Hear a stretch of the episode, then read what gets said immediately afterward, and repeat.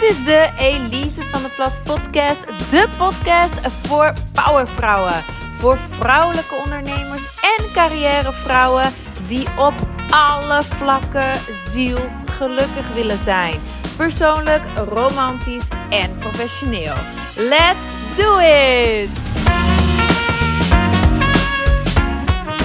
Hallo, daar ben ik weer. Super veel zin in deze aflevering, want we gaan taboes doorbreken. Ja, ja, door het te bespreken doorbreek je natuurlijk een taboe. En geld en sensualiteit, het zijn beide taboes. Dus dat is al één ding wat geld en sensualiteit met elkaar te maken heeft.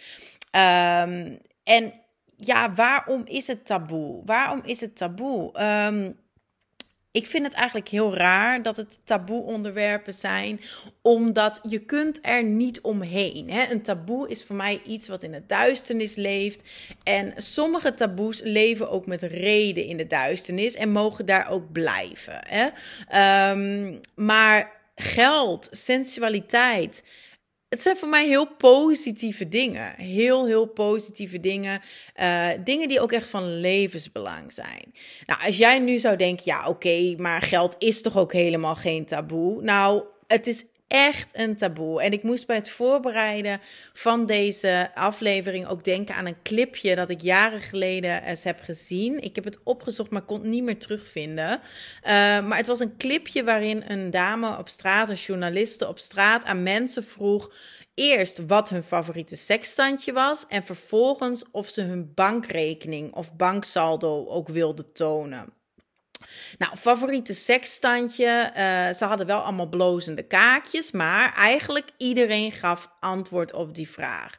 Maar de vraag of ze een bankrekening wilden laten zien, echt niemand. Volgens mij was er één iemand die zijn saldo durfde te tonen.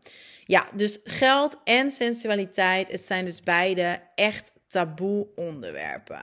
Uh, en dat taboe gaat over heel veel uh, dingen. Er rust een taboe op te veel geld hebben of veel geld hebben. Er rust een taboe op weinig geld hebben. Um, er rust zelfs ta taboe op de manieren waarop men geld verdient. Momenteel is Bitcoin heel hot.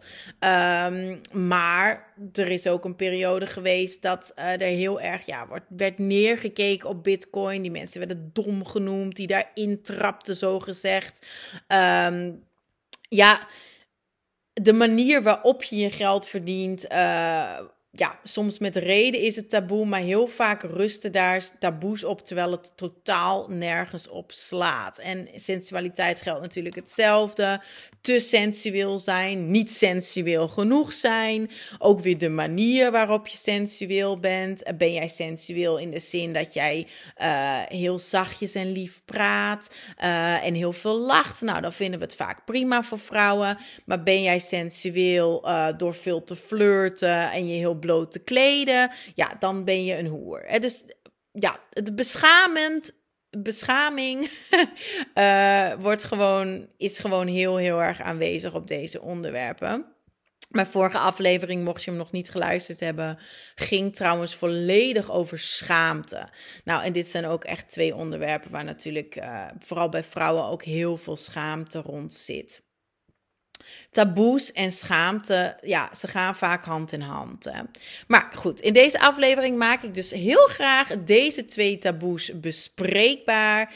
En hopelijk kan ik daardoor ook wat schaamte van jou, mocht je dat hebben op die twee onderwerpen, op een van de twee hebben, hoop ik dat je wat schaamte uh, ja, daar rond kan loslaten. Ja, een taboe. Nou, uh, ik zei het al even. Kijk, sommige dingen zijn met recht taboe. Hè, dat betekent dat iets is gewoon off-limits. Het is een begrenzing. En het kan op die manier ook een soort bescherming zijn. Hè? Uh, bijvoorbeeld Me Too. Thank the Lord of Thank the Women.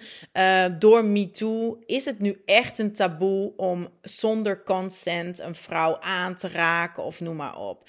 Uh, en dat is natuurlijk met recht een taboe. Het is niet alleen een taboe. Het is ook bij de wet verboden natuurlijk. Maar goed, doordat het nu vooral, het was altijd al bij de wet verboden, maar nu aanranding echt een taboe is, door die MeToo-movement, uh, heb ik toch het gevoel dat ja, dat taboe ons een soort bescherming geeft. Dat het dus een soort begrenzing is voor mensen. Um, maar goed, ik zei het al, uh, er zijn dus ook heel veel dingen taboe die helemaal geen taboe horen te zijn. Uh, en taboe is dan ook eigenlijk van oorsprong vaak een religieus verbod op iets. Hè?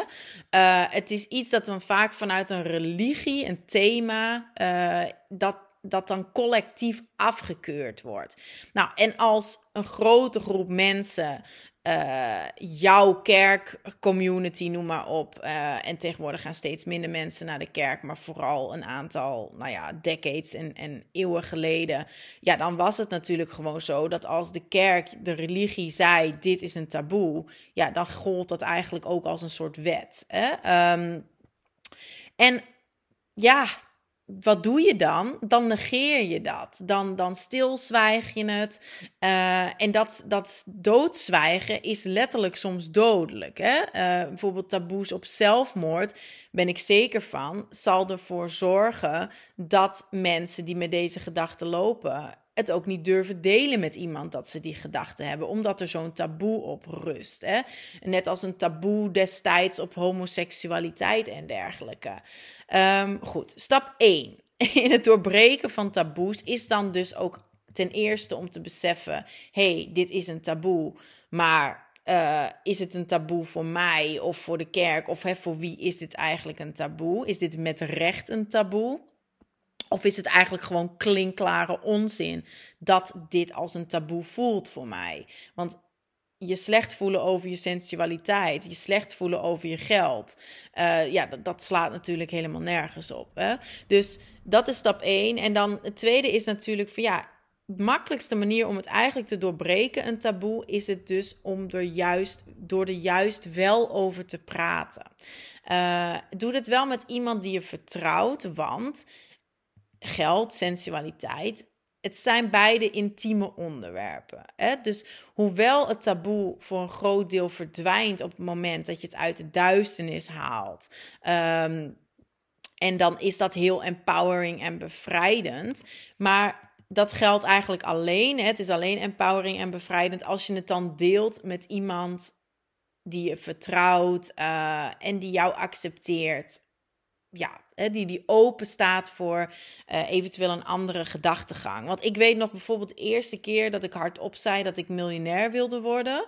Ik was echt nog een tiener. Nou, ik kreeg echt meer vuile blikken uh, van mensen dan toen ik zei dat ik uh, stripper wilde worden. En toen ik zei dat ik stripster wilde worden of burlesque danseres wilde worden en een eigen strip, luxe striptease club wilde, kreeg ik ook wel wat vuile en rare blikken. Maar toen ik vol trots zei, ja, ik wil gewoon ook veel geld verdienen. Ik wil miljonair worden.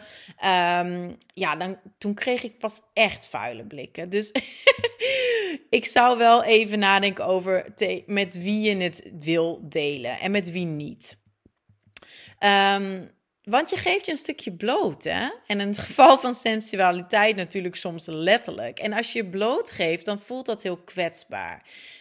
Um, het is een hele mooie manier om verbinding te maken met mensen.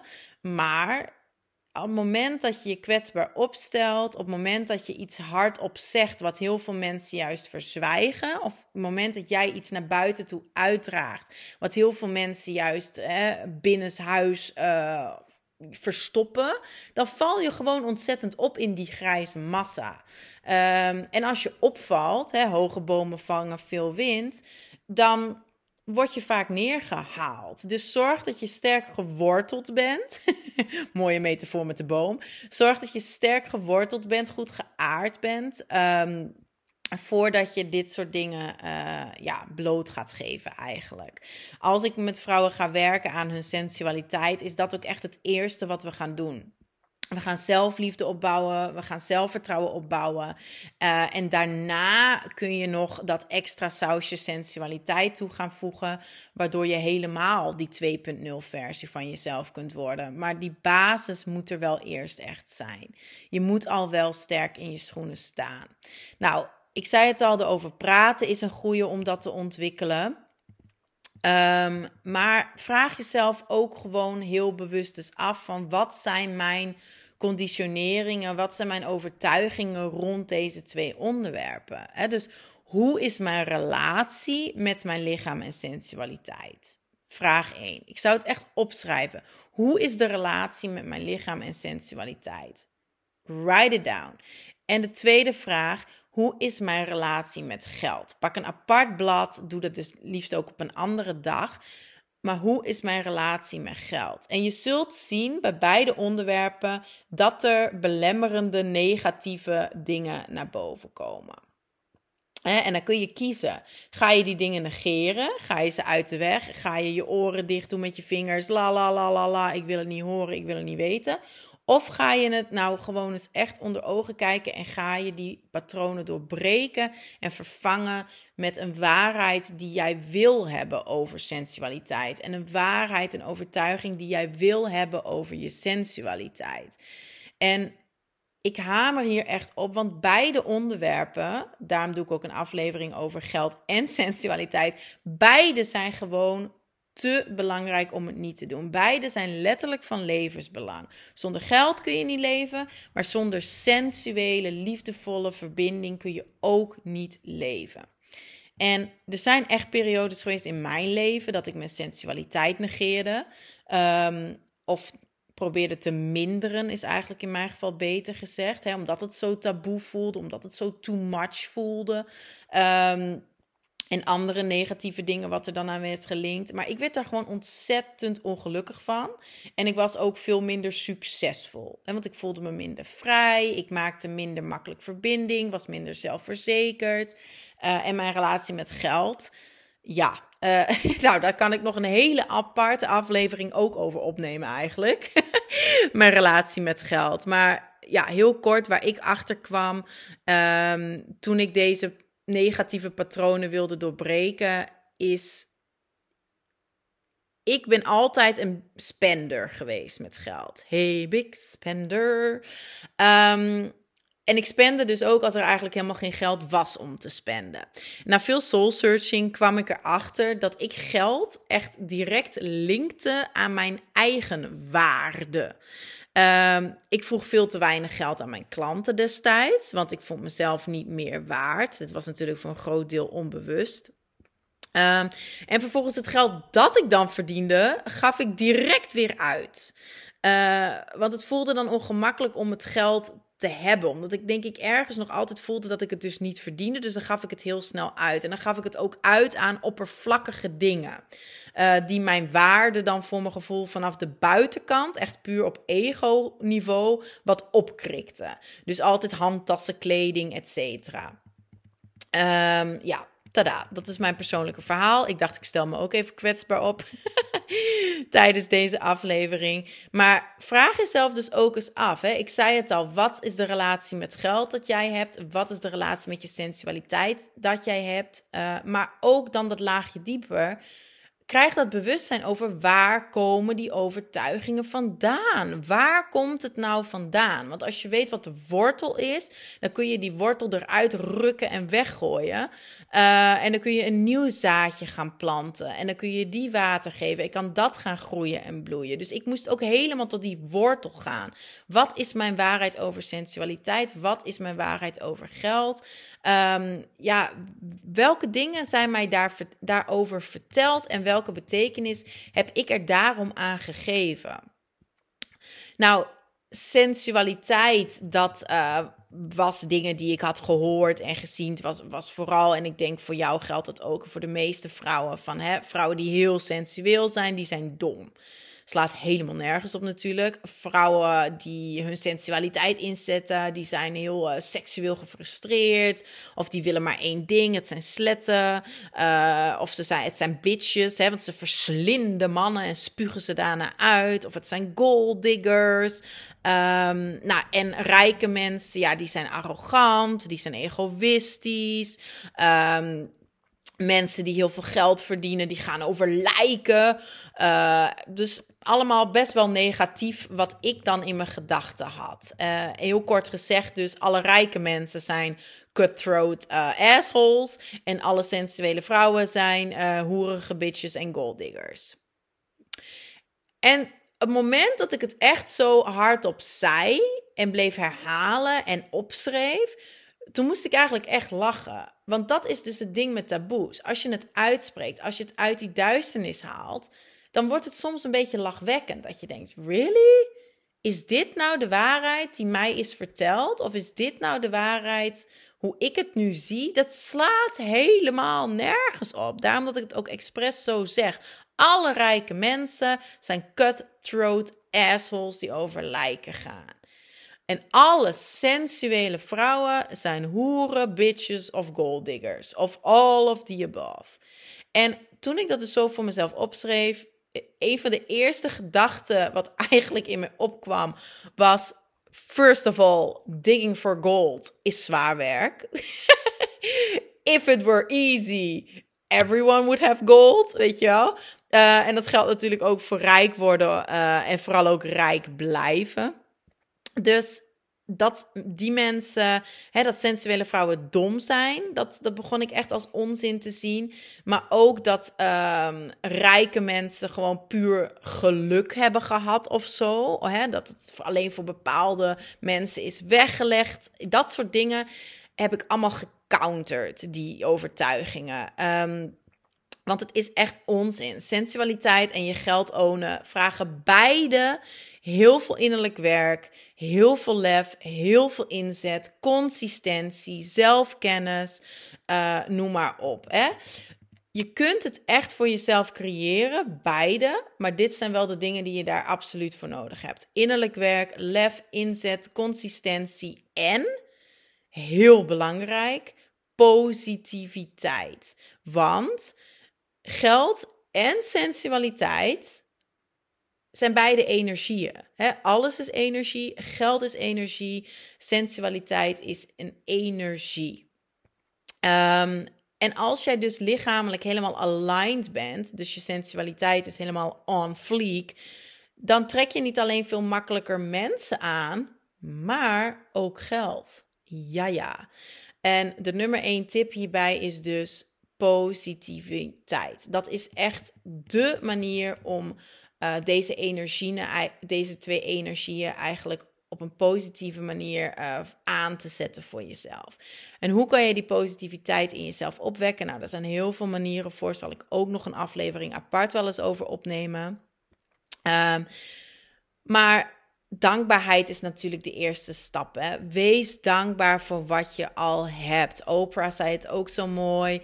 When you start being thankful for what you have, you'll end up having more. Of iets in die trant. Dus wees positief, wees dankbaar over je sensualiteit. Don't take it for granted. Ook niet voor het geld dat je al hebt. En we zijn er heel vaak quick to say: ik ben niet sensueel, ik ben niet vrouwelijk. Uh, of ik heb geen geld, ik ben altijd blut. Uh, ja, daar ga je er niet meer van aantrekken. Hè? Doe je ogen open. Doe wat moeite, wees positief en je zult zien, er is heel veel sensualiteit in jou. Er is heel veel sensualiteit in je leven. En er is ook waarschijnlijk veel meer geld en rijkdom in je leven dan dat jij nu denkt. Dus ga er eens naar op zoek, omarm het, wees er dankbaar voor. Nou, dit is de aflevering Geld en Sensualiteit.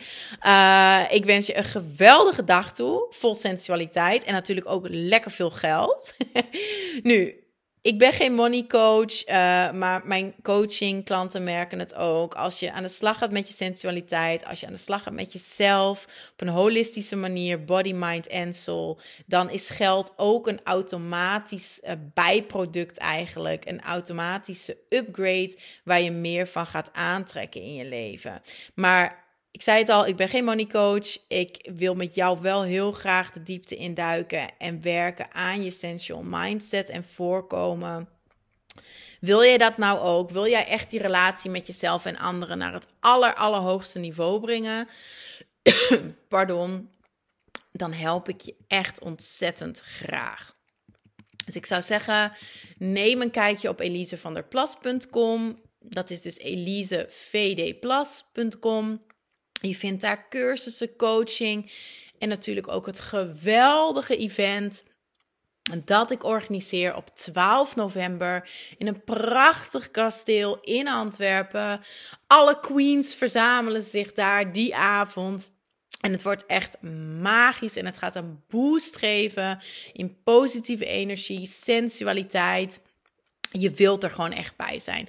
EliseVDPlas.com. Uh, eh, ik zou zeggen, ga dus even naar de site. Neem een kijkje.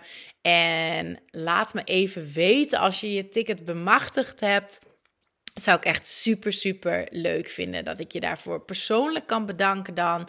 En uh, ja, dan krijg je ook een leuk cadeautje. Nu verklap ik iets, maar goed. Als je een ticket koopt, dan uh, stuur ik een cadeautje naar je op. Oké, bij deze dus de aflevering. Dit was hem weer. Tot volgende week. Bye bye.